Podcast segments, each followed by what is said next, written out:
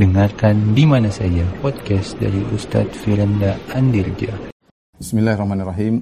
Assalamualaikum warahmatullahi wabarakatuh.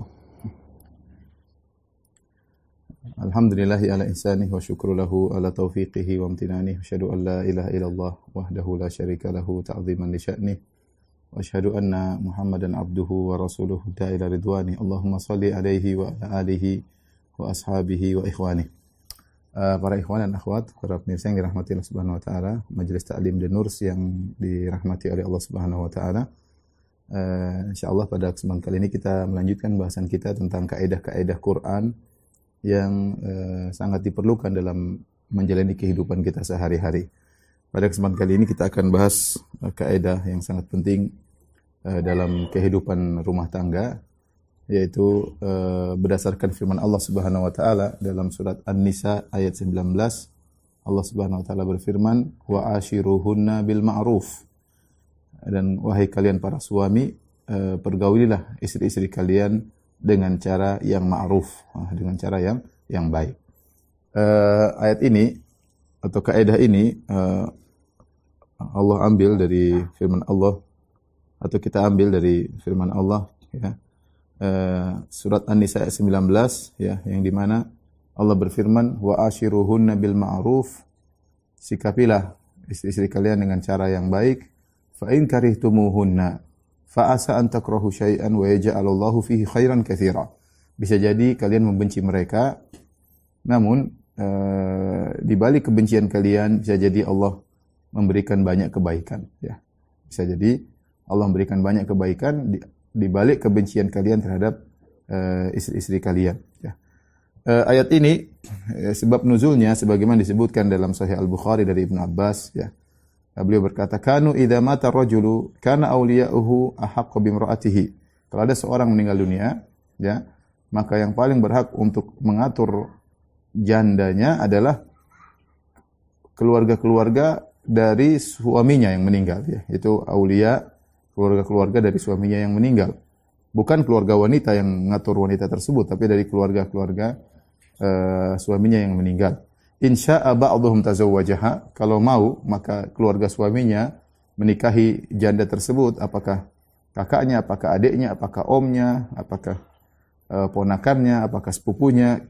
Wa insya'u zawwajuha, kalau mereka mau atau mereka menikahkan wanita ini dengan laki-laki yang lain. Tapi yang yang ngurus semuanya adalah uh, keluarga suami yang yang meninggal. Wa insya'u lam yuzawwijuha. Kalau mereka berkehendak, mereka tidak menikahkan wanita ini sehingga dibiarkan terkatung-katung menjanda selamanya ya. Fahum fahum ahaqqu biha min ahliha. Maka keluarga laki-laki lebih utama mengurusi wanita ini daripada keluarga wanita itu sendiri. Fanazalat hadhil ayat fi. Maka turunlah ayat ini uh, menegur semua perbuatan tersebut bahwasanya Eh, mensikapi para wanita harus uh, dengan dengan cara yang terbaik ya.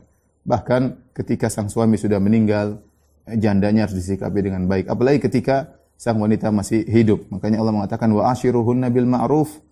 Pergaulilah wanita tersebut istri-istri kalian dengan cara yang baik. Fa in karihtumuhunna. Kalau kalian benci, ya di sini Allah bayangkan Allah menyuruh seorang suami uh, berbuat baik kepada istrinya padahal dia lagi tidak suka sama istrinya. Yaitu ada perangai-perangai yang dibenci oleh suaminya. Tetapi Allah tetap menyuruh uh, sang suami untuk berbuat baik kepada istrinya. Allah mengatakan, "Fa in karihtumuhunna fa asa an syai'an." Ya. Wa ashiruhunna bil ma'ruf, pergaulilah istri dengan cara yang baik. Fa in karihtumuhunna kalau kalian benci dengan uh, mereka, bisa jadi di balik kebencian tersebut uh, ada kebaikan-kebaikan yang banyak yang Allah berikan. Ya. Bagaimana lagi kalau ternyata istri adalah wanita yang soleha, istri adalah wanita yang taat, ya. Sedangkan istri dalam kondisi seorang laki tidak suka saja Allah masih menyuruh atau masih mengutamakan agar seorang suami bersabar dengan kondisi istrinya yang tidak menyenangkan, apalagi dalam kondisi istrinya yang soleha dan baik kepada uh, suaminya. Maka ayat ini lebih fokus uh, kita tujukan kepada para suami ya. ya. Kita harus punya landasan dalam kehidupan ini. Kalau kita ber, bermuamalah dengan istri kita, kita punya landasan, yaitu berbuat baik kepada mereka. Karena berbuat baik kepada istri bukan hanya sekedar uh, bukan hanya sekedar perkara duniawi, tapi ini perintah Allah Subhanahu wa taala di balik muamalah kita terhadap istri kita ada eh, ibadah-ibadah yang mulia, ada pahala yang yang banyak ya. Tapi perhatikan uh, kaidah ini wa ashiruhunna bil ma'ruf. Pergaulilah istri dengan cara yang uh, yang baik ya. Uh, sebagian ulama seperti Ibnu Al-Arabi Al-Maliki dalam kitabnya Ahkamul Quran ya. Uh, demikian juga Al-Jassas ya. Al-Hanafi dalam kitabnya Ahkamul Quran mereka menjelaskan perkataan ashiru ya dari isyrah. Isyrah itu maknanya mirip dengan asyarah dari sisi ada ada makna kesempurnaan, ada makna kesempurnaan. Makanya dikatakan asyarah jika bilangan sudah genap dari 1 sampai 10. Intinya makna isyarah atau dari asyiru muasyarah itu ada makna uh, kesempurnaan. Sebagai isyarat bahwasanya ketika seorang suami menggauli istrinya uh, bersikap kepada istri dia berusaha bersikap dengan yang terbaik. Ya, karena Allah menggunakan kata lafal wa asyiruhunna. Ya yaitu pergaulilah dengan kepada mereka dengan yang terbaik dan itu yang diterapkan oleh Nabi sallallahu alaihi wasallam. Nabi sallallahu alaihi wasallam mengatakan khairukum khairukum li ahlihi wa ana khairukum li ahli. Ya, sebaik-baik kalian di sisi Allah adalah yang terbaik bagi istrinya dan aku adalah suami yang yang terbaik, ya. Ya. Uh, kata Nabi sallallahu alaihi wasallam, "Akmalul mu'minina imanan ahasinuhum akhlaqa." Ya. Uh, sebaik-baik orang yang sempurna imannya adalah yang paling terbaik uh, akhlaknya. Wa khiyarukum khiyarukum li ahli dan sebaik-baik kalian adalah yang terbaik bagi istrinya. Bayangkan hadis ini Nabi menggandengkan antara iman dengan akhlak, kemudian Nabi gandengkan antara akhlak contohkan Nabi contohkan dengan akhlak terhadap istri. Dan tadi Nabi mengatakan eh, yang terbaik di antara kalian sisi Allah yang paling terbaik bagi istri. Jadi ini poin ini ikhwan, terutama para suami. Demikian juga mungkin para jomblo yang belum menikah, hendaknya benar-benar perhatian masalah ini. Bahwasanya menjalani kehidupan rumah tangga bukanlah perkara yang mudah ya. Eh, ada pernak-pernik kehidupan, Eh, kemudian tidak semua orang kemudian diberi uh, kemudian mendapatkan istri yang selalu taat ya tidak apalagi di zaman sekarang ini yang uh, apa namanya di mana hurriyah kebebasan digembar-gemborkan uh, sehingga digambarkan bahwasanya seorang wanita yang soleh yang taat kepada suami adalah suami orang wanita yang apa primitif yang terbelakang ya wanita yang modern adalah wanita yang berani membangkang suaminya wanita yang modern adalah wanita yang berani uh, menentang suaminya dan yang lain halnya ya. Wanita yang ter terbaik adalah wanita yang sering keluar rumah dan banyak hal yang eh, ajaran-ajaran dari luar yang masuk ke dalam uh, kaum muslimin sehingga mengajarkan hal yang buruk kepada uh, istrinya. Ya, kalau orang ditanya sebagian wanita kalau ngumpul, kalau ada satu wanita yang curhat tentang suaminya, langsung di, eh sudah bantah saja, itu minta cerai saja, seperti itu. Dan ini kondisi semakin berat bagi para uh, suami ya. Di, di sisi lain suami ya uh, juga terpengaruh dengan kehidupan-kehidupan yang buruk yang meremehkan istrinya dan yang lainnya. Intinya uh, kita kalau menjadi suami yang soleh, suami yang baik, kita harus menjalankan perintah Allah. Kita menjalankan kehidupan kita sesuai dengan kehendak Allah Subhanahu wa taala. Nah, Allah dan Rasulnya mengajarkan kepada kita bagaimana kita bermuamalah dengan istri kita. Dengan satu kaidah yang agung, wa ashiruhunna bil ma'ruf. Pergaulilah mereka dengan cara yang yang baik. Saya katakan tadi, al-muasyarah itu isyarat tentang bagaimana uh, sebaik mungkin bisa berbuat baik kepada uh, kepada istri ya, kepada istri. Uh, timbul pertanyaan, bagaimana cara kita berbuat baik kepada istri? Uh, di situ Allah menggunakan kata al-ma'ruf. Al-ma'ruf kembali kepada urf yaitu suatu kebaikan yang didasarkan kepada urf tradisi masing-masing uh, uh, masyarakat. Ya, Allah tidak kasih batasan tertentu. Tapi yang jelas kalau menurut masyarakat itu baik, maka itu baik dari sisi bermuamalah. Dan ayat-ayat yang seperti ini dalam Al-Quran ada beberapa yang di situ semuanya dikembalikan kepada urf, kepada tradisi dalam bermuamalah. Contoh, seperti firman Allah Subhanahu wa taala, "Walahunna mithlul ladzi 'alaihinna bil ma'ruf." Dan para wanita punya hak sebagaimana mereka punya kewajiban. Dan hak mereka juga bil ma'ruf, sesuai dengan yang ma'ruf, ya. Mereka punya kewajiban terhadap suami dan mereka punya hak juga yang bisa mereka tuntut dari suami dan suami hendaknya menunaikan hak para istri uh, dengan yang ma'ruf. Contoh ayat yang sedang kita bahas wa ashiruhunna bil ma'ruf. Pergaulilah istri sekalian dengan cara yang baik sesuai dengan uh, tradisi masyarakat ya. Kemudian juga uh, firman Allah Subhanahu wa taala at-talaqu marratan fa imsakun bima'rufin aw tasrihun bi ihsan. Kata Allah cerai itu dua kali ya. Cerai itu dua kali maka Uh, fa imsakun bima'ruf kalau tidak ingin cerai maka tahanlah istri kalian dengan cara yang baik ya.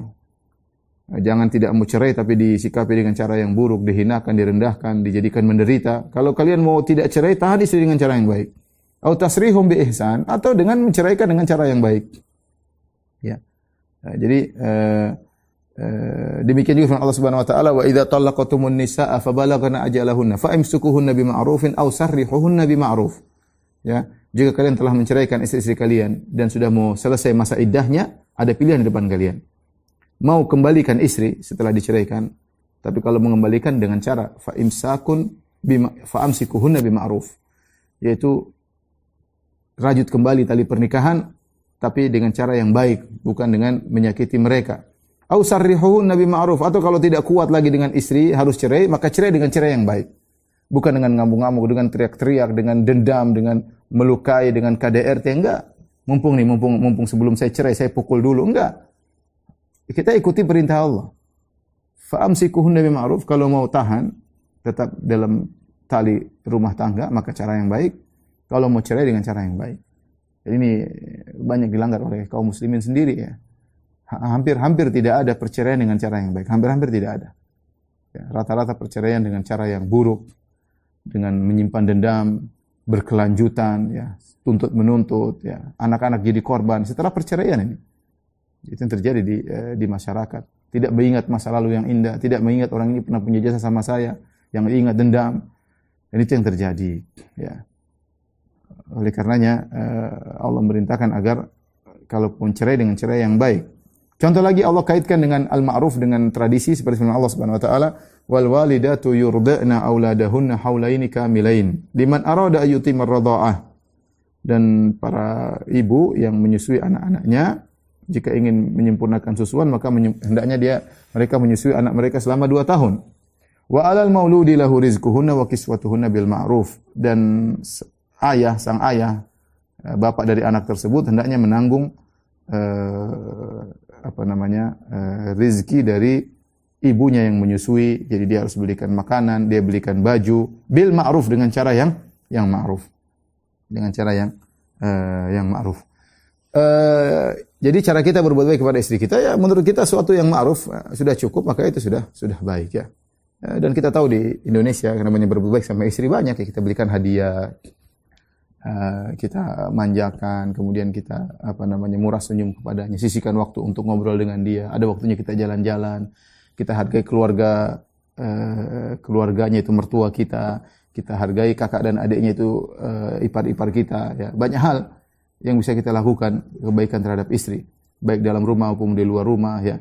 Dan ya masyarakat bisa nilai namanya suami yang baik itu begini. Ya, itu kita lakukan seperti itu, lakukan. Dan ini ikhwan, ini bukan sekedar duniawi ya, ini ini ibadah. Yang sampaikan, ini ibadah kita kepada Allah. Saya sering sampaikan bahwasanya uh, kehidupan rumah tangga merupakan ladang pahala dan kebanyakan waktu kita kita habiskan di rumah tangga. Interaksi dengan istri, interaksi dengan anak ya. Uh, nah, kalau kita salah berinteraksi, uh, khawatirnya kita waktu terlewatkan tanpa ada pahala bahkan bisa jadi menjadi dosa.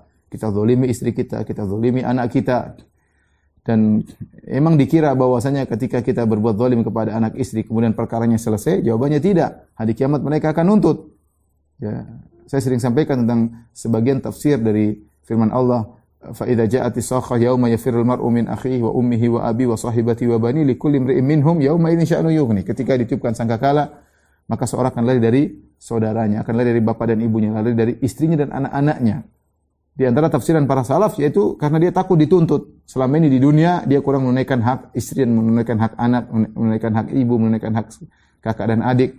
Ya, maka jangan sampai kita para laki ternyata eh, dalam kehidupan dunia kita mendolimi orang-orang terdekat kita. Ya. Ingat bahwasanya rumah tangga adalah lahan untuk meraih pahala sebanyak-banyaknya. Karenanya Allah Subhanahu eh, Nabi SAW mengingatkan ya kepada para lelaki, ya, ini kaidah ini berkaitan dengan para lelaki ya Kata kata Nabi SAW ketika hari Arafah, atau hari Arafah, hari berkumpulnya uh, para sahabat. Ketika itu yang berhaji bersama Nabi, ada yang mengatakan 80 ribu, ada yang mengatakan 100 ribu, ada yang mengatakan 120 ribu. Intinya sekitar 100 ribu. Para sahabat dan jumlah ketika itu jumlah sangat banyak, 100 ribu. Kemudian mereka kumpul di padang Arafah. Kemudian Nabi SAW ingatkan tentang berbuat baik kepada istri. Kalau memang itu perkara yang sepele, ya, eh, kenapa Nabi ingatkan di padang Arafah? Ya. Rasulullah bersabda, "Fattaqullaha fin nisa." Bertakwalah kalian kepada Allah dalam bermuamalah dengan istri. Fa innakum akhadtumuhunna bi amanillah. Ingatlah kalian telah mengambil uh, istri-istri kalian ya dengan pengamanan dari Allah dalam riwayat bi amanatillah amanah dari Allah. Istri adalah amanah dari Allah Subhanahu wa taala. Wastahlaltum furujahunna bi kalimatillah. Dan kalian telah menghalalkan kemaluan mereka itu kalian bisa menggauli mereka dengan uh, kalimatullah dengan kalimat Allah itu dengan akad nikah dan yang semisalnya ya. Jadi semuanya eh, karena Allah Subhanahu wa taala hati-hati ini amanah. Kalian menghalalkan juga karena Allah dengan akad nikah. Maka hati-hati, bertakwalah kepada Allah kata Nabi. Fin bertakwalah dalam bermuamalah dengan mereka. Ya. Uh, Rasulullah sallallahu alaihi wasallam ingatkan. Walakum alaihinna alla yuti'na furushakum ahadan takrahunahu. Kemudian Rasulullah sebutkan di antara hak para laki yaitu tidak boleh wanita memasukkan seorang pun dalam rumahnya yang tidak diizinkan oleh suaminya. Ini di antara adab wanita kalau ada tamu yang mau tinggal masuk rumahnya harus dengan izin suaminya. Karena itu rumah-rumah suaminya. Ya, fa in fa'alna dzalik fadribuhunna darban ghairu mubarrih. Kalau ternyata mereka melakukan pelanggaran, maka silakan pukul istri kalian dengan pukulan yang tidak memberi bekas, yaitu pukulan mendidik, bukan pukulan dendam. Walahunna alaikum rizquhunna wa kiswatuhunna bil ma'ruf. Dan mereka para wanita punya hak yang harus kalian tunaikan wahai para suami berupa rizquhunna itu makanan dan keperluan kehidupannya, kebutuhan primernya, wa kiswatuhunna demikian juga bajunya harus disediakan bil ma'ruf dengan cara yang uh, yang ma'ruf, dengan cara yang ma'ruf. Ini uh, kaidah yang agung yang saya perlu mengingatkan diri saya sendiri dan juga uh, saya ingatkan kepada rekan-rekan uh, sekalian, kepada para pemirsa, terutama para suami, ingatlah bahwasanya kita bermuamalah dengan istri itu adalah ibadah maka berusaha untuk bermuamalah dengan yang uh, yang terbaik ya.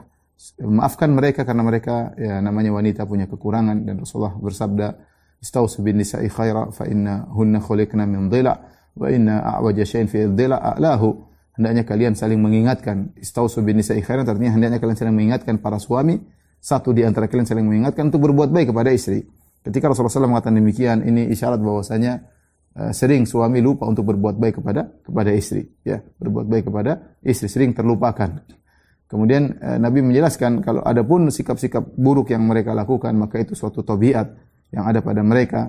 Kata Nabi SAW fa innahunna khuliqna min dhila. Sungguhnya para wanita diciptakan dari uh, tulang rusuk. Oh, dan tulang rusuk kita tahu bengkok. Wa wa wa, wa, wa syai'in fi a'lahu. Dan yang paling bengkok dari tulang rusuk adalah bagian atas. Semakin atas semakin bengkok, semakin ke bawah semakin kurang bengkok ya. Itu sebenarnya mengatakan maksudnya lisan wanita memang sulit untuk diluruskan ya, sering menyakiti hati suami dan terkadang begitu uh, ucapan sulit mereka sulit untuk mereka jaga. Uh, sehingga ketika Nabi mengisyaratkan atau menjelaskan wanita terbuat dari tulang rusuk yang bengkok maka lelaki harus bersabar ya beri uzur kepada para para wanita ya uh, tentunya ini pembahasan kita antara terhadap para laki, adapun wanita taat kepada suami bahasanya tersendiri. Tapi saya ingin menanamkan dalam diri kita sebagai suami bahwasanya bermuamalah dengan istri adalah ibadah, lahan ibadah. Sabar, kita harus sabar karena argo pahala ngalir terus. Sabar bicara dengan mereka, sabar menasihati mereka, sabar mendidik mereka, uh, kerjasama dengan mereka ketika ngurusi anak-anak ya. Banyak hal yang harus kita uh, berikan waktu kepada kepada istri kita atau kepada ibunya anak-anak anak-anak kita ya.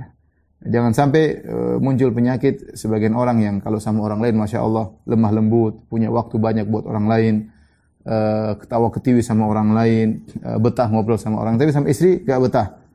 Ngobrol sedikit sudah gak betah. Bercanda sama istri kayaknya hambar, tidak mau bercanda sama istri. Bercanda sama kawan Masya Allah, ketawa ketiwi, suara terbahak-bahak.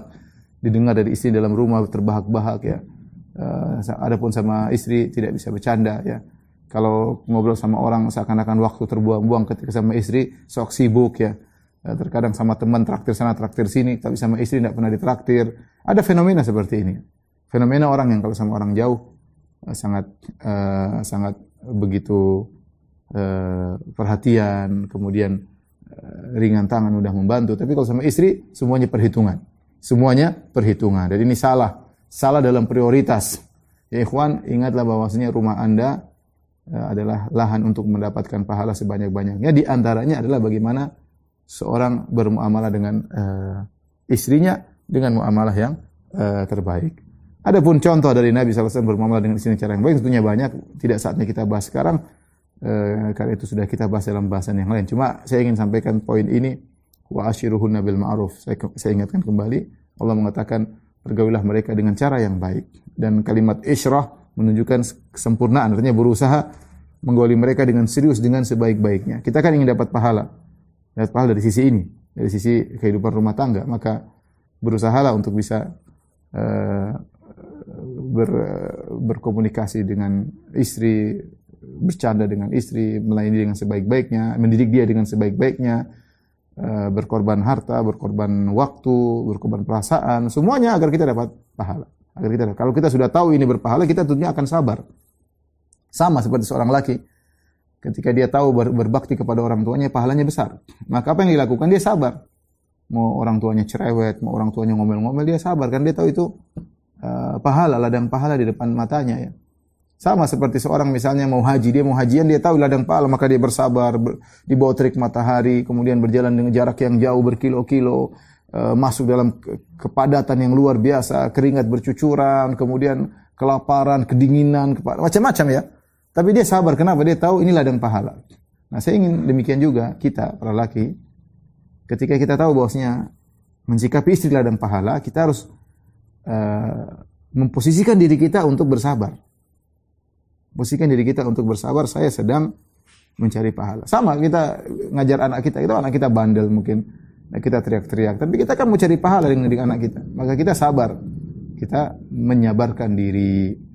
Ini uh, peringatan buat saya pribadi dan juga kepada uh, para suami agar mencari pahala sebanyak-banyaknya dari bersikap terhadap istri. Uh, taib, kaidah berikutnya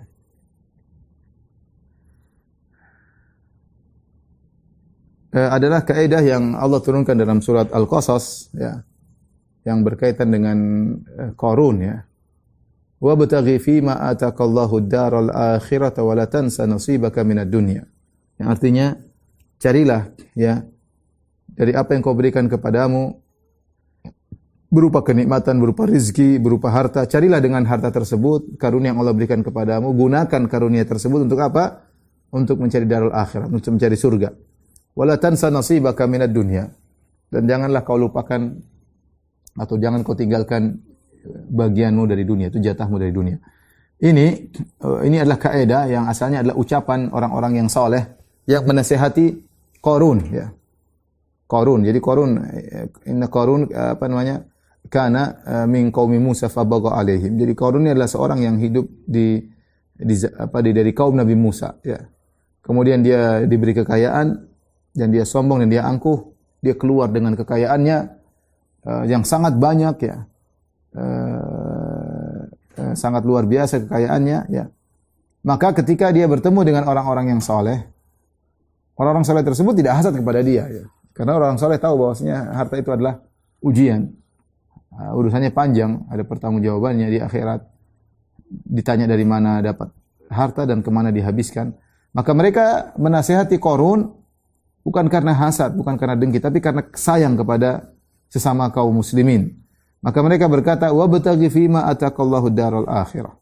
Wahai korun, carilah engkau dari karunia Allah berikan kepadamu, gunakan kesempatan karunia Allah berikan kepadamu untuk bisa mencari surga. Dan itu benar. Banyak orang yang bersedekah nggak punya duit. Ya. Banyak orang yang bangun masjid nggak punya duit. Banyak orang yang berbakti kepada orang tuanya dia nggak punya apa-apa. Bagaimana berbakti? Dia ingin kasih ibunya pemberian. Ibunya sakit dia tidak bisa bantu. Ibunya butuh rumah tidak bisa dia belikan. Ibunya uh, banyak kebutuhan bapaknya dia tidak bisa penuhi. Kenapa dia nggak punya duit? Ya. Sehingga kalau orang punya harta, kesempatan bagi dia untuk meraih akhirat. Dia bisa bangun masjid, dia bisa membantu anak yatim, dia bisa bantu para janda, dia bisa bantu fakir miskin, dia berbakti kepada orang tuanya, dia bisa memberi kebahagiaan kepada tetangganya, kepada kawan-kawannya. Harta kalau di diolah dengan sebaik-baiknya maka uh, merupakan ladang pahala yang bisa menaikkan seorang ke surga yang sangat tinggi. Uh, maka orang-orang soleh ini mengingatkan korun atas kelebihan kenikmatan yang dimiliki oleh korun. Maka mereka berkata, wa betagi fima atakallahu darul akhirah. Wahai korun, itu uh, harta yang kau miliki karunia, gunakanlah untuk mencari akhirat. Uh, tapi bukan maksud kami wahai korun, maksudnya kau tinggalkan semua kenikmatan dunia, kemudian tidak nikmati sama sekali. Bukan begitu maksud kami. Makanya mereka lanjutkan, wala tansa nasibaka minad dunya. Ya. Dan jangan kau lupakan uh, bagianmu dari dunia. Kemudian mereka lanjutkan lagi, wa ahsin kama ahsanallahu ilaik. Dan berbuat baiklah sebagaimana Allah berbuat baik kepadamu. Ya. Ini ada faedahnya yaitu kalau kau berbuat baik uh, sebagai kewajiban Allah berbuat baik kepadamu, maka kau berbuat baik kepada manusia yang lain. Allah kasih kau rezeki, maka kau beri rezeki pada orang lain. Dan ini juga uh, isyarat bahwasanya kalau kau ingin berkelanjutan Allah berbuat baik kepadamu, maka berbuat baik juga kepada orang orang lain. Wala tabghil fasada fil ardi, innallaha la yuhibbul mufsidin. Dan jangan kau ingin melakukan kerusakan di atas muka bumi, sungguhnya Allah tidak suka dengan orang-orang melakukan kerusakan. Apa kata Korun ketika dinasihati? dengan angkuhnya dan dia mengatakan innama utituhu ala ilmin indi. Saya ini dapat harta karena saya punya ilmu. Ini dua ada tafsiran. Jadi eh, Korun melakukan mengatakan menjawab nasihat mereka. Dia tidak mengatakan syukran, jazakumul khairan ya, saya akan berusaha. Tapi dia jawab dengan meremehkan mereka, seakan-akan dia nuduh kalian hasad ya, tidak seperti saya. Saya dapat punya harta banyak, Ya, kalian nasihat begini-begini dia, tidak harusnya yang menerima aja harusnya ya syukran saya belum bisa melaksanakan atau bagaimana. Orang niat baik sama kita kita sampaikan dengan cara baik-baik. Ya, tidak usah kita sombong angku merasa tinggi di depan dia. Ini dia kan niat baik nasihati kita. Ya. Tapi sebagian orang kalau dinasihati akhadatul izzah merasa tinggi, merasa hebat, merasa tidak tidak pantas untuk dinasihati, dia merasa dia yang harus menasihati. Korun ketika dinasihati dia berkata, Inna ma utituhu ala ilmin indi. Saya ini bisa begini karena ilmu yang ada padaku. Ada dua tafsiran terhadap inna ma utituhu ala ilmin indi. Ada yang mengatakan maksudnya, saya ini kaya karena saya punya ilmu perdagangan. Saya pandai berdagang, saya pandai mencari rezeki sehingga memang saya pantas untuk kaya. Ini yang pertama. Uh, yang kedua, tafsirannya seakan-akan dia berkata, memang Allah tahu ala ilmin indi yaitu Allah tahu saya memang pantas untuk jadi orang kaya. Saya memang pantas jadi orang kaya, Allah tahu tentang hal tersebut, maka Allah jadikan saya saya kaya. Ini semua adalah kata-kata yang menunjukkan ujub, bangga diri, merasa tinggi dan merasa, rendah pada orang lain. Baik, jadi ini uh, ikhwan dan akhwat yang dirahmati Allah Subhanahu wa taala. Inilah uh, terutama ini penting bagi orang-orang yang diberi kelebihan harta bahwasanya kalau Anda punya karunia yang utama adalah menggunakan karunia tersebut untuk mencari surga, kehidupan yang abadi. Gunakan karunia yang Allah berikan di dunia ini untuk meraih kehidupan yang abadi di surga kelak. Dan ayat ini sering disalahartikan oleh sebagian orang. Mereka mengatakan, e, cari dunia tapi jangan lupakan akhiratmu. Wa bataghi fi ma atakallahu darul akhirah wa tansa nasibaka minad dunya. Mereka menerjemahkan ayat ini dengan kebalik. Sebagian orang, saya dulu sering dengar orang salah nerjemah ayat ini. Jadi seakan-akan terjemahannya cari dunia tapi jangan lupa akhirat. Seharusnya kebalikan, cari akhirat jangan lupa dunia. Artinya dunia ini ya perkara yang ringan. Jangan kau sibukkan sih, tapi jangan kau lupakan. Maksudnya demikian. Tapi lain halnya ketika diterjemahkan terbalik, carilah dunia, jangan lupa akhiratmu. Seakan-akan dunia utama akhirat ya, jangan ketinggalan. Dan ini salah terjemah, sehingga kesannya berbeda. Harusnya kita nerjemahkan wa bataghi fima atakallahu darul akhirata wa la tansa nasibaka minad dunya wa ahsin kama ahsanallahu ilaik wa la tabghi fil ardi fasada innallaha la yuhibbul mufsidin. Maksudnya wa bataghi fima atakallahu darul akhirat gunakanlah karunia yang Allah berikan kepadamu untuk meraih akhirat. Dan saking begitu hinanya dunia jangan kau pedulikan tapi jangan kau lupakan. Ya karena dunia ini apa? Dunia mal'un kata Nabi sallallahu alaihi wasallam. Terlaknat kecuali yang digunakan untuk kebaikan. Dunia ini hina di hadapan Allah kecuali yang digunakan untuk akhirat. Lau kanatid dunya ta'dilu indallahi janaha ba'udah ma asakallahu minha uh, kafiran syarbatama. Kata Nabi SAW, seandainya dunia ini di sisi Allah sebanding dengan sayap nyamuk, ada nilainya seperti nilainya sayap nyamuk, tentu Allah tidak akan uh, memberikan kepada orang kafir seteguk air pun. Namun karena dunia lebih lebih hina daripada sayap seekor nyamuk, maka Allah berikan dunia tersebut kepada orang kafir sebanyak-banyaknya. Enggak ada masalah. Karena dunia tersebut tidak dinilai si Allah. Ya, terlalu banyak ayat-ayat yang menjelaskan tentang kehidupan dunia bahwasanya akan selesai ya. I'lamu annamal hayatud dunya la'ibu wa lahu wa zinatu wa tafakhurun bainakum banyak sekali. Kita Ketahuilah bahwasanya kehidupan dunia hanyalah permainan hanya sekedar gurau, hanya sebentar bermain-main kemudian selesai ya. La'ibun hanya permainan, tidak ada manfaatnya ya. Wa zinatun wa tafakhur hanya bangga-banggaan, hanya perhiasan yang melalaikan. Wa takatsur fil amwali wal aulad, banyak-banyakan, banyak ini, banyak perusahaan, banyak milik ini, milik seperti dunia. Tapi kata Allah, "Kama thali ghaithin ajabal kuffara nabatu thumma yahiju fatarus musfarra thumma yakun mutama." Tapi seperti air hujan yang turun semuka bumi menumbuhkan tumbuhan yang hijau, orang semua kagum melihat tumbuhan tersebut tiba-tiba menjadi kering, sirna, ditiup angin, ya, tidak ada nilainya. Itu dunia kalau kita murni gunakan dunia. Tapi ketika dunia tersebut kita jadikan sarana untuk meraih akhirat seperti nasihat orang-orang soleh tadi kepada Qarun, wa bataghi fi ma atakallahu darul akhirah, ya jadikanlah apa yang Allah berikan kepadamu untuk mencari akhirat, maka dunia akan menjadi sangat mulia di sisi Allah Subhanahu wa taala, ya. Ni'mal malu salih lil, lil rajuli salih, sebaik-baik harta yang baik adalah yang dimiliki oleh seorang yang uh, yang saleh. Lihat bagaimana Nabi Sulaiman alaihissalam menjadi mulia di antaranya dengan hartanya yang banyak yang dia gunakan untuk kemaslahatan kaum muslimin. Lihat bagaimana Abdurrahman bin Auf mulia dengan hartanya. Ya, kenapa dia gunakan hartanya untuk kepentingan kaum muslimin. Lihatlah bagaimana Uthman bin Affan menjadi sangat mulia. Kenapa berapa betapa sering dia uh, berinfak di jalan Allah Subhanahu wa taala. Sampai kata Nabi ketika Uthman berinfak dalam perang Tabuk, "Ma dharra Uthman ma fa'ala ba'da al-yawm aw kama Setelah ini tidak ada yang memberi mudarat kepada Uthman. Radhiyallahu anhu kenapa? Karena dia telah berinfak luar biasa. Bagaimana Nabi SAW pernah memuji Abu Bakar karena harta yang dia keluarkan di jalan Allah Subhanahu wa taala. Kata Nabi SAW di depan Abu Bakar, Mana fa'ani malun qat, mana fa'ani malu Abi Bakar. Tidak ada harta yang bermanfaat kepada aku seperti manfaatnya harta Abu Bakar. Fabaka Abu Bakar. Abu Bakar menangis.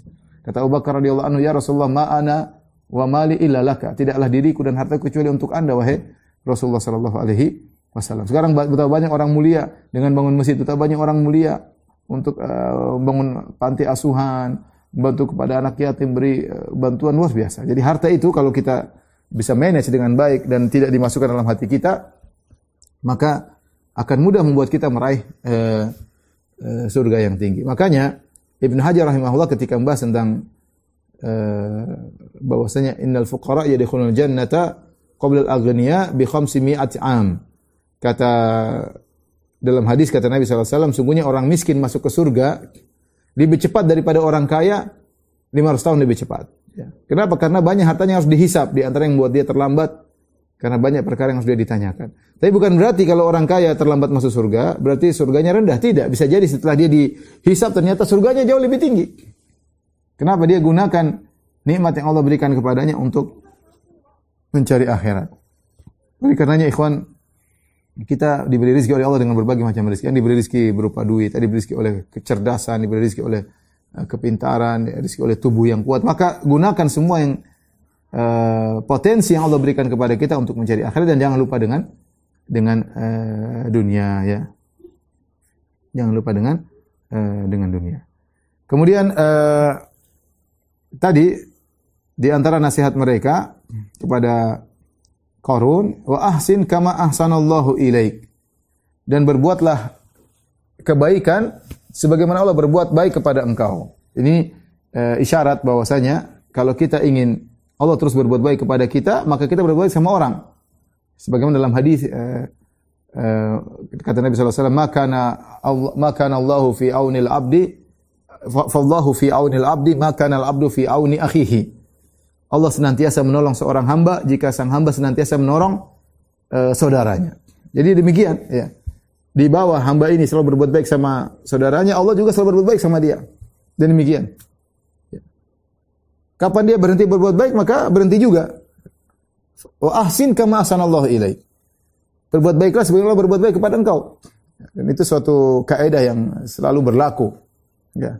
Dan ini salah satu ceramah yang saya ingat ketika saya pertama kali di Madinah ketemu masuk kuliah kemudian ada guru saya cerita tentang kisah seorang soleh yang dia kalau dapat rezeki dia selalu kasih sama orang. Sampai ada yang tegur, Anda dapat rezeki selalu kasih orang. Ya.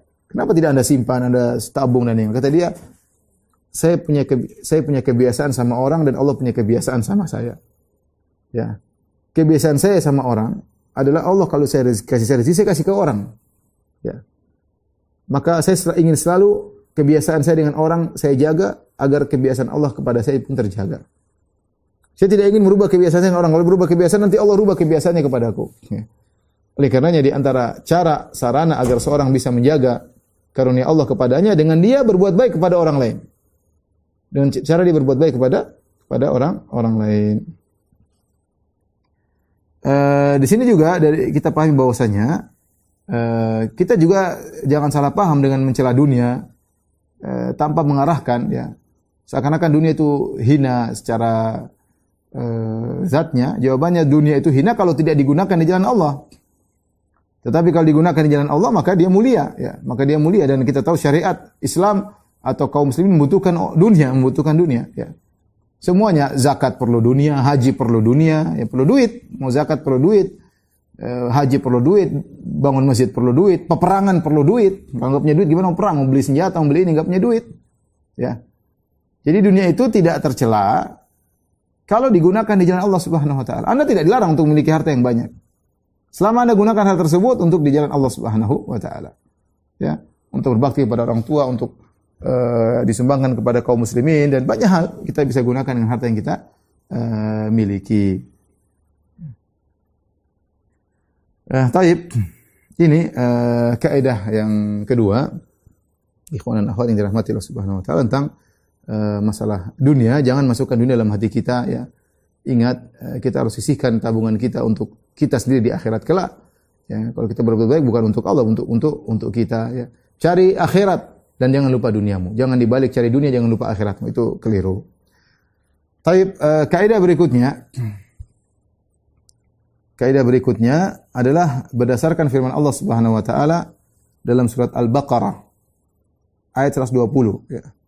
Allah Subhanahu wa taala berfirman dan ini kaidah yang sangat kita butuhkan uh, di zaman sekarang ya.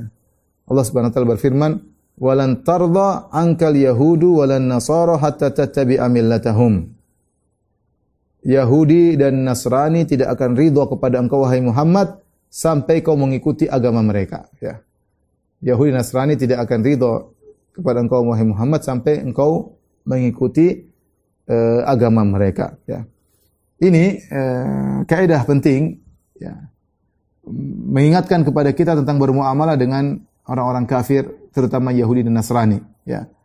Karena kita tahu bahwasanya kita sering berinteraksi dengan mereka dan kita orang Yahudi akan datang akan ada terus sampai hari kiamat bahkan Rasulullah mengabarkan bahwasanya di antara musuh kaum muslimin pada hari kiamat kelak adalah orang Yahudi dan mereka akan mengikuti Dajjal dan terjadi peperangan dahsyat antara kaum muslimin dengan uh, Dajjal dan para pengikutnya di antara orang Yahudi ya. Uh, mereka ahlul kitab ya, kita diperintahkan uh, untuk bermuamalah dengan cara yang baik ya. Ya, kata bahkan dalam perdebatan kata Allah Subhanahu wa taala wala tujadilu ahlal kitabi illa billatihi ahsan illa alladziina dzalamu minhum. Janganlah kalian berdebat dengan ahlu kitab kecuali dengan cara yang baik. Allah perintahkan untuk berdebat pun cara yang baik. Maka ini isyarat kita bermuamal dengan mereka dengan cara yang baik. Berdebat saja, untuk berdebat saja yang kita saatnya kita gontok-gontokan harus berbuat dengan cara yang baik. Apalagi ini bermuamalah keseharian. Bermuamalah keseharian. Uh, begitu uh, ada hubungan dekat dengan Yahudi dan Nasara sampai Allah menghalalkan menikahi wanita-wanita Yahudiyah dan wanita-wanita Nasraniyah dibolehkan. Wa ladzina utul kitaba hilakum wa ta'amul lahum wal musanatu minal utul kitaba min qablikum. Ya. Kata Allah Subhanahu wa taala, makanan mereka, sembelihan mereka dari ahlul kitab hal bagi kalian sebagaimana sembelihan kalian hal bagi mereka. Dan wanita-wanita dari mereka dari ahlul kitab halal kalian untuk kalian nikahi, ya, tidak jadi masalah. Menunjukkan interaksi e, banyak antara kaum muslimin dengan kaum ahlul kitab. Dan itu dipraktikkan di zaman Nabi SAW, dipraktikkan di kalangan para para sahabat, bahwasanya mereka hidup bertetangga dengan Yahudi atau Nasrani di zaman sahabat kebanyakan Yahudi. Tetapi bagaimanapun kita berbuat baik kepada mereka, kita harus sadar bahwasanya mereka tidak akan ridho ya sampai kita mengikuti agama mereka. Maka hendaknya kita bermuamalah dengan batasan-batasan yang syar'i, tidak boleh berlebih-lebihan. Kalian berlebih-lebihan pun mereka tidak akan ridho sampai kita ikuti agama mereka. Sampai kita ikuti agama mereka. Ya. Allah mengatakan, "La yanhakumullah 'anil ladzina lam yuqatilukum fid din wa lam yukhrijukum min diyarikum an tabarruhum wa tuqsitu ilaihim." Innallaha yuhibbul muqsitin. Allah tidak melarang kalian berbuat baik kepada orang-orang kafir yang tidak mengusir kalian dari negeri kalian dan tidak musuhi agama kalian. Ya, kalian berbuat baik kepada mereka silakan, berbuat adil kepada mereka. Ya, innallaha yuhibbul muqsin. Sungguhnya Allah mencintai orang yang adil. Bahkan tidak boleh kita mendolimi mereka ya, dengan mensifati yang tidak benar. Ya, kata Allah wala yajrimannakum syana'anu qaumin ala alla ta'dilu i'diluhu aqrabu taqwa. Janganlah kebencian kalian kepada suatu kaum buat kalian tidak berbuat adil kepada kaum yang kalian benci tersebut. I'dilu berbuat adilah wa aqrab taqwa. Adil adalah lebih dekat kepada ketakwaan. Jadi kalau kita bicara ayat-ayat bagaimana tentang bermuamalah dengan non muslim, orang kafir, Yahudi Nasara, sangat banyak ya. Dan praktek Nabi SAW luar biasa bagaimana Nabi SAW bertentangan dengan orang Yahudi. Bagaimana Nabi SAW menyenguk uh, pembantunya yang Yahudi. Yahudi kemudian Nabi dakwah akhirnya dia masuk Islam ya. Uh, bagaimana Rasulullah SAW memaafkan orang-orang uh, Yahudi ya. Bagaimana para sahabat bermuamalah bermuamalah sampai berbelanja dengan orang Yahudi. Sampai Nabi SAW meninggal punya gade dengan orang Yahudi. Artinya Rasulullah SAW bermuamalah dengan mereka. Tapi ingat, ada batasannya. Ya. E, jangan sampai melampaui batas, bertasyabuh dengan mereka. Tidak boleh meniru mereka. Tidak boleh. Bahkan Rasulullah SAW menyuruh para sahabat untuk menyelisih Yahudi. Ya. E, Rasulullah menyuruh untuk misalnya menyemir rambut orang Yahudi tidak menyemir rambut mereka. Rasulullah SAW suruh di zaman Nabi untuk sholat dengan menggunakan khuf, khuf karena orang mereka sholat tidak menggunakan khuf. Rasulullah selalu menyelisihi. Ya. Baik perkara ibadah maupun perkara tradisi. Ya. Rasulullah SAW suruh menyelisihi. Ya, jangan ikuti-ikuti mereka. Rasulullah mengatakan man tasyabbaha biqaumin fahuwa uh, khair fahuwa minhum. Kalau siapa meniru satu kaum maka dia termasuk dari kaum uh, tersebut. Nah, Allah turunkan firman-Nya, "Walan tardu angkal yahudi walan nasara." Yahudi tidak Nasrani tidak akan ridho kepada engkau sampai hatta tatabi amilatahum, sampai kau mengikuti uh, sampai engkau mengikuti agama mereka. Ya. Hati-hati waspada, jangan kita melampaui batas dalam bersikap sampai akhirnya kita meniru-niru agama mereka, ikut serta dalam perayaan-perayaan mereka, ya mereka tidak bakalan ridho, ya. Nah kalau kita sudah mengikuti mereka dalam agama mereka, itu mereka suka. Ya. Ini yang mereka cari. Ya. Ingin kita ikut seperti mereka, beribadah bersama mereka, merayakan bersama mereka itu mereka sukai. Dan itu Allah larang. Jangan ikuti agama mereka. Kenapa agama mereka agama kesyirikan? Berbuat baik oke, okay. Allah yang suruh berbuat baik. Bahkan dalam berdebat saja suruh baik kepada mereka. Nabi SAW mempraktekkan berbuat baik, tapi untuk arasan untuk urusan agama enggak. Ya. Kata Nabi dalam perjanjian uh, wasiqatul Madinah, piagam Madinah, lil walil lil muslimina dinuhum walil yahudi dinuhum kaum muslimin punya agama sendiri, orang Yahudi punya agama sendiri. Dan Allah turunkan ayat, lakum dinukum waliyadin. Bagi kalian agama kalian dan bagiku agama agamaku. Harus jelas. Eh, tamayus, manusia, kaum muslimin harus punya identitas yang jelas, bukan yang tidak jelas. Ini kita sedihkan sekarang zaman sekarang orang nggak tahu ingin cari keridhaan Yahudi Nasara, ingin mencari keridhaan mereka, ingin cari muka di hadapan mereka, berlebih-lebihan. Sampai ibadah dalam uh, maulidan di gereja, kemudian apa maksudnya ya? Ya. Solawat, solawatan di dalam gereja, ya. Uh, Natalan barang uh, di, di gereja, ya. Apa begitu yang disukai oleh Nabi SAW? Ya. Apakah begitu yang di, yang dimaksudkan oleh Allah? Walan tardu angkal Yahudu, walan nasara hatta tabi'a millatahum. Yahudi Nasara tidak akan ridho sampai kalian mengikuti agama kalian. Kalian ingin mencari keridhaan orang Yahudi Nasara dengan cara mengikuti agama mereka, ya. Sebagaimana Allah sebutkan dalam Al-Qur'an, ya. Maka seorang waspada ya. Allah ingatkan Nabi wasallam Allah menggunakan walan, mereka tidak bakalan ridho. Bukan berarti kita bermusuhan perang dengan mereka, tidak. Kita menempatkan suatu pada tempatnya. Waktunya berbuat baik, berbuat baik. Ya, bagaimana sahabat menyuruh keluarganya untuk membuat makanan kepada tetangganya Yahudi. Ketika ditanya, dia tanya, sudah bikin iya sudah makanan. Kalian bikin, kirim nggak kepada Yahudi tersebut? Tetanggaku kata mereka tidak. Kata dia, aku mendengar Rasulullah SAW bersabda, uh, la yazalu Jibril yusini bil jar hatta dhanantu annahu sayuwarrithuni sayuwarrithuhu. Senantiasa Jibril datang kepadaku mengingatkan kepadaku untuk berbuat baik kepada tetangga sampai aku menyangka tetangga akan menjadi ahli waris. Kemudian dia bikin makanan buat diberikan kepada Yahudi. Ya, taib. Kita bermuamalah ada batasannya. Adapun sudah masalah keagamaan, ya acara ritual keagamaan mereka, maka tidak boleh. Ada batasannya. Dan itu yang mereka ingin agar kita seperti mereka. Kita bangga alhamdulillah kita Islam tauhid. Yang disembah cuma Allah Subhanahu wa taala. Kita tidak menyembah nabi. Kita tidak menyembah manusia. Tidak. Kita tidak menyembah wali, kita tidak menyembah sunan, kita tidak menyembah malaikat, tidak menyembah jin. Kita sembah hanyalah Allah Subhanahu wa taala. Ya. Kemudian kita berlebih-lebihan toleransi akhirnya ikut serta dalam acara-acara agak keagamaan mereka ya. Ya, kapan kita mau mendakwahi mereka? Kapan kita ingatkan bahwasanya uh, sebagaimana Nabi mengirim surat kepada Heraklius ya. Ya ahlal kitab ta'alu ila kalimatin sawain baina wa bainakum alla na'budu illa Allah wa la nusyrika bihi syai'a. Jelas Nabi mengenai Heraklius. Raja Romawi Nabi kirim kepada lihat bagaimana Nabi bermuamalah dengan cara yang baik. Nabi tulis ila azimil Rum ila Herakl azimil Rum. Perhatikan Nabi bagaimana bermuamalah yang baik kepada Heraklius penguasa atau pembesar Romawi. Jelas, Nabi ngakui dia penguasa. Nabi tidak merendahkan, wahai si kafir, wahai si uh, musyrik. Nah, Nabi sampaikan ketika duniawi, Rasulullah sebutkan. Nabi tidak wahai si kafir, eh si... Enggak. Nabi bilang, ila Herakl azimir Rum. Kepada Heraklius, penguasa Romawi. Jelas. Tapi apa isinya? Isinya masalah dunia, Rasulullah dakwahi mereka. Ya. Kata Nabi, Ya. Qul ya ahlal kitab ta'alu ila kalimatin sawa'in baina wa bainakum alla na'budu illa Allah wa la nusyrika bihi syai'a. Wa la yattakhidha ba'dhan arbaba min dunillah. Wa ahlul kitab marilah kita sama-sama menuju satu kalimat yang sama. Itu kalimat tauhid. Jangan kita menyembah kecuali hanya kepada Allah. Jangan kita berbuat syirik sama sekali. Jangan sebagian kita mengangkat sebagian yang lain menjadi tuhan-tuhan selain Allah.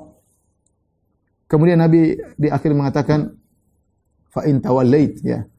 Kalau kau masuk Islam ya, bagi kau mendapatkan dua pahala pahala selama kau Nasrani dan pahala kau masuk Islam. Tapi wa in tawallait, kalau kau berpaling, tidak mau terima Islam dari dariku, fa alaika itsmul arisiyin, arisin, maka kau akan menanggung dosa rakyatmu. Jelas. Ya, Nabi dakwahi. Nah, kita ingin kita ketika berinteraksi dengan orang-orang Yahudi Nasara, kita ingin islamisasi, kita ingin mereka masuk Islam. Kita ingin demikian. Bukan kita berinteraksi dan mereka merasa mereka nyaman dalam kesyirikan mereka. Sehingga mereka semakin pede dengan kesyirikan mereka. Itu salah berarti cara kita berarti salah. Nabi berbuat baik kepada Yahudi tapi Nabi dakwahi mereka. Nabi bahkan cuma bukan dakwahi orang Yahudi dalam dalam kota Madinah, bahkan Nabi kirim sahabat untuk mendakwahi Yahudi sampai di Yaman. Ketika Nabi mengirim uh, Muaz bin Jabal, kata Nabi, "Inna ta'ti qauman ahla kitabin." Wahai Muaz, hati-hati kau akan mendapati ahlul kitab di sana. Maka siapkanlah dirimu. Dakwahi. Falyakun awwala ma tadum ilai syahadatu la ilaha illallah wa anni Muhammad Rasulullah. Jadi kalau dakwah pertama engkau adalah agar mereka ber, bertauhid, bersyahadatain. Ya. Uh, ini yang kita ingin, Islamisasi.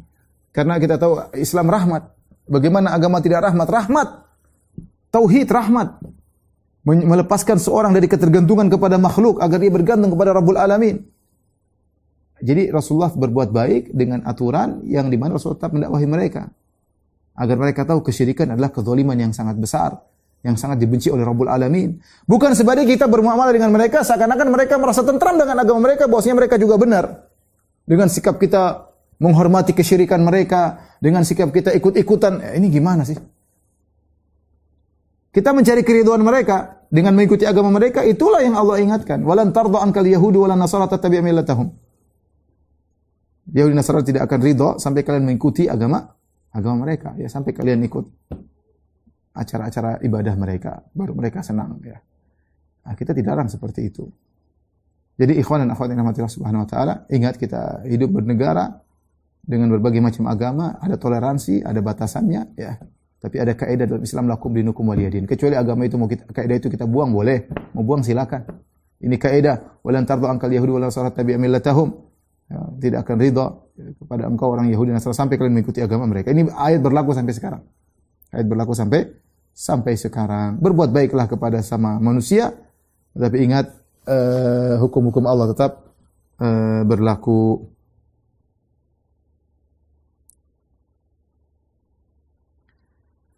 Lihatlah Allah berfirman dalam satu ayat, jadi renungan bagi kita semua. Wadda kathiru min ahli alkitab law yaruddunakum min ba'di imanikum kuffaran hasadan min indi anfusihim. Min ba'di ma tabayyana lahumul haq. Nabi bercerita, Allah bercerita orang Yahudi, banyak dari ahli kitab berangan-angan agar kalian kufur kembali. Banyak ahli kitab ingin kalian murtad. Makanya mereka melakukan kristenisasi. Murtad meninggalkan tauhid menuju kesyirikan. Mereka senang hal itu hatta tattabi amilatahum. Mereka tidak itu sampai kalian mengikuti agama agama mereka. Ya, kita waspada ya. Kita ini justru ingin menularkan Islam kita kepada mereka, bukan membuat mereka bangga dengan kesyirikan yang sedang mereka uh, lakukan ya. Dan mereka berangan-angan agar kita bisa syirik seperti seperti uh, mereka ya. Wallahu taala alam bisawab. Tapi kaidah yang terakhir mungkin kita bahas pada kesempatan Eh, pagi hari ini yaitu kaidah yang termaktub dalam surat uh, Al-Baqarah ayat 186 ya. Wa idza sa'alaka ibadi anni fa inni qarib. Jika hamba-hambaku bertanya kepada engkau wahai Muhammad fa inni qarib sungguhnya aku dekat. Sungguhnya aku dekat. Ini ayat uh, berkaitan dengan ayat-ayat uh, tentang bulan Ramadan tentang berpuasa ya. Ya syahr Ramadan alladzi unzila fihi al-Qur'an huda hudan linnasi huda wa hudan uh, uh, syahr Ramadan itu ayat tentang tentang turunnya apa namanya kewajiban berpuasa. Ya. Huda linnasi bainati minal huda wal furqan dan seterusnya. Kemudian Allah sebutkan ayat ini di sela-sela ayat tentang uh, puasa Allah sebutkan ayat ini wa idza sa'alaka ibadi anni fa inni qarib ujibu da'wata da'i idza da'an falyastajibu li yu'minu la'allahum yarshudun. Kemudian uhilla lakum lailatas siyami rafathu ila nisaikum. Jadi ayat sebelumnya tentang puasa, kemudian ayat tentang berdoa, ayat tentang puasa lagi. Jadi ayat ini di sela-sela ayat tentang puasa. Sehingga Al-Imam Ibnu Katsir rahimahullahu taala melihat konteks ayat yang ayat sebelumnya tentang puasa, kemudian diselingi dengan ayat untuk berdoa. Setelah itu ayat puasa lagi, maka para ulama di Ibnu Katsir rahimahullah berkesimpulan bahwasanya orang yang berpuasa doanya mudah dikabulkan. Karena ini ayat untuk memerintahkan untuk doa. Orang yang berpuasa doanya mudah untuk dikabulkan. Dan Ibnu Katsir mengatakan uh, di antaranya ketika iftar. Ya.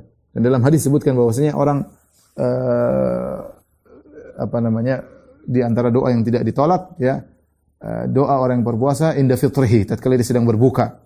Dia sedang berbuka. Dan ini dipraktekkan oleh oleh uh, kaum muslimin terutama di kota Madinah. Kita sering lihat kalau mau menjelang berbuka puasa maka orang pada mengangkat tangan menangis berdoa menjelang berbuka puasa. Karena di puncak-puncaknya rasa haus di puncak-puncaknya dahaga di puncak-puncak rasa lapar di puncak-puncak hati sudah sangat luluh. Sangat mudah Allah kabulkan doa seseorang dalam kondisi demikian. Tapi ayat ini umum. Kapan kita ingin berdoa silakan berdoa. Dan ayat ini menakjubkan di mana? Perhatikan sini ikhwan. Dan ini uh, disampaikan oleh banyak ulama ya. Di antaranya Ar-Razi menyampaikan hal ini Perhatikan Allah dalam Al-Qur'an Allah menyuruh eh, apa namanya ber, menceritakan tentang bagaimana pertanyaan para sahabat terhadap Nabi. Ya. Wa yas'alunaka 'anil mahid. Mereka bertanya kepada tentang haid. Kul huwa adzan, katakanlah. Ada selalu Allah mengatakan katakanlah, kul huwa adzan fa'tazilun nisaa fil mahid. Tinggalkanlah wanita ketika masih haid, jangan digauli. Kemudian yas'alunaka 'anil ahillah. Kul mereka bertanya kepada engkau Muhammad tentang hilal-hilal. Kul hiya mawaqitul nasi wal hajj. Katakanlah hilal itu digunakan untuk penentu waktu bagi manusia dan juga untuk haji. Selalu ada katakanlah, katakanlah. Ya. Yas'alunaka 'anil khamri wal maisir. Kul fihi ma ithmun kabir wa manafi'ul linnas. Mereka bertanya kepada engkau Muhammad tentang khamr dan perjudian. Katakanlah, ada kata kul, katakanlah bahwasanya uh, ada manfaatnya di khamar dan perjudian wa ithmuhuma akbar min naf'ihima tetapi dosanya lebih besar. Ya. Yas'alunaka anis syahril harami qitalin fih. Ya. Kul qitalun fihi kabir. Mereka bertanya kepada engkau tentang orang yang berperang di bulan haram. Katakanlah peperangan di bulan haram adalah perbuatan dosa besar, tetapi begini-begini. Tapi selalu ada kata kul. Katakanlah. Wa yas'alunaka anil jibal. Mereka bertanya kepada engkau tentang gunung. Apa yang terjadi pada gunung pada hari kiamat kelak? Fakul yansibu yansifuha rabbi nasfa. Katakanlah Allah akan hancurkan dengan sehancur-hancurnya. Semua dalil Al-Quran yang menyebutkan mereka bertanya kepada engkau, mereka bertanya kepada engkau, selalu ada kalimat kul, katakanlah. Kecuali ayat ini. Ayat ini nggak ada kata kul, nggak ada kata, nggak ada kata katakanlah, jawablah wahai Muhammad. Perhatikan ayatnya. Wa idza sa'alaka ibadi wa idza sa'alaka ibadi anni fa inni qarib. Jika hamba-hambaku bertanya kepada engkau tentang aku, Allah tidak mengatakan fakul inni qarib. Katakanlah aku Allah dekat. Tapi Allah tidak katakan kalimat kul. Langsung Allah jawab sendiri. Jika hamba-hambaku bertanya kepada engkau wahai Muhammad tentang aku, fa inni qarib, sungguhnya aku dekat. Allah jawab langsung. Allah tidak suruh Muhammad bilang sama mereka. Allah jawab langsung. Ini isyarat bahwasanya Allah sangat dekat kepada hambanya. Sangat dekat. Ilmu Allah sangat dekat dengan hambanya. Allah mengetahui segalanya. Allah maha mudah mengabulkan doa-doa hambanya. Makanya ketika sebagian sahabat di ketika pulang pulang uh, perang Khaybar mereka berzikir kepada Allah bertakbir dengan suara yang keras maka Nabi tegur, Nabi mengatakan, Arbi'u ala anfusikum, fa innakum la tad'una asama wala ghaiban. Innal ladzi tad'unahu uh, sami'an sami'un qarib. Ya. Kata Nabi sallallahu alaihi wasallam, janganlah kalian yaitu jangan terlalu mengeraskan suara ya ketika berzikir keras-keras ya. Karena, karena kalian tidak sedang menyeru zat yang tuli maupun gaib, tapi yang kalian seru itu dekat ya. Ya. Jadi Allah Maha mengetahui apa yang kita minta. Ini isyarat bahwasanya kalau minta tidak perlu pakai perantara. Hukumannya tidak perlu pakai perantara. Dan mudah orang kalau ingin minta kepada Allah. Tidak perlu pakai perantara. Allah mengatakan, ini korib aku dekat. Tidak sebagaimana sebagian orang yang suudzon kepada Allah. Mengkiaskan Allah seperti uh, raja yang zalim. ya. Kalau minta kepada raja tidak diterima. Harus minta lewat menteri-menterinya, lewat punggawa-punggawanya. Baru nanti permintaannya disampaikan kepada sang raja. Baru kemudian raja kabulkan. Allah tidak perlu demikian. Allah langsung minta ya direct minta kepada Allah Subhanahu wa taala. Ini itu yang dicontohkan oleh Nabi dan para sahabatnya. Kemudian juga kita minta tidak usah repot-repot. Kalau kalau orang minta mungkin kalau ingin minta kepada pejabat harus proposal lah, apalah tanda tangan ini diketahui oleh ini, diketahui oleh ini, kemudian kata-katanya harus bagus, harus tepat, ada mukadimahnya. Allah Subhanahu wa taala minta sudah ente tinggal angkat tangan, menangis sudah selesai. Kapan saja. Tidak perlu dengan waktu mau subuh, mau siang, mau malam, kapan saja mau berdoa tinggal angkat tangan. Kita punya Rabb yang kata Allah, kata Allah, wa idza sa'alaka ibadi anni fa inni qarib. Kalau mereka bertanya kepada engkau tentang aku, katakanlah sungguhnya aku dekat. Ujibu da'watad da'i idza da'an. Aku mengabulkan doa orang yang uh, berdoa kepadaku. Oleh karenanya uh, ini uh, ayat mengingatkan kita dalam kehidupan sehari-hari kita selalu butuh kepada Allah Subhanahu wa taala. Jangan pernah ragu untuk berdoa kepada Allah. Makanya Nabi sallallahu alaihi wasallam mengajarkan kita berdoa dalam segala hal. Ya, masuk rumah, keluar rumah, masuk WC, keluar WC, mau berhubungan dengan istri, mau makan setelah makan. Uh, banyak doa-doa naik kendaraan ya dan naik gunung turun gunung semua doa-doa masak masuk pada suatu masuk pasar ada doanya masuk pada suatu kampung juga ada doanya Doa banyak sekali agar kita tahu Allah Maha mendengar apa yang kita minta, ya. Maka jangan pernah ragu-ragu untuk banyak berdoa kepada Allah Subhanahu wa taala kapan saja di mana saja silakan meminta kepada Allah. Selalu gantungkan hati Anda kepada Allah dan jangan gantungkan hati Anda kepada manusia. Ya, sehingga meningkatkan tauhid kita kepada Allah Subhanahu wa taala. Tapi demikian saja para pemirsa, para eh, kawan-kawan majelis taklim Denurs yang dirahmati Allah Subhanahu wa taala. Wallahu alam bisawab. Demikian saja apa yang disampaikan. Kurang lebihnya saya mohon maaf. Uh, insyaallah kita bertemu di kesempatan yang lain. Subhanakallah bihamdik. Asyhadu an la ilaha anta. Astagfirullahaladzim. Assalamualaikum warahmatullahi wabarakatuh. Ayo, segera download Quran Tadabbur, tafsir dalam genggaman Anda.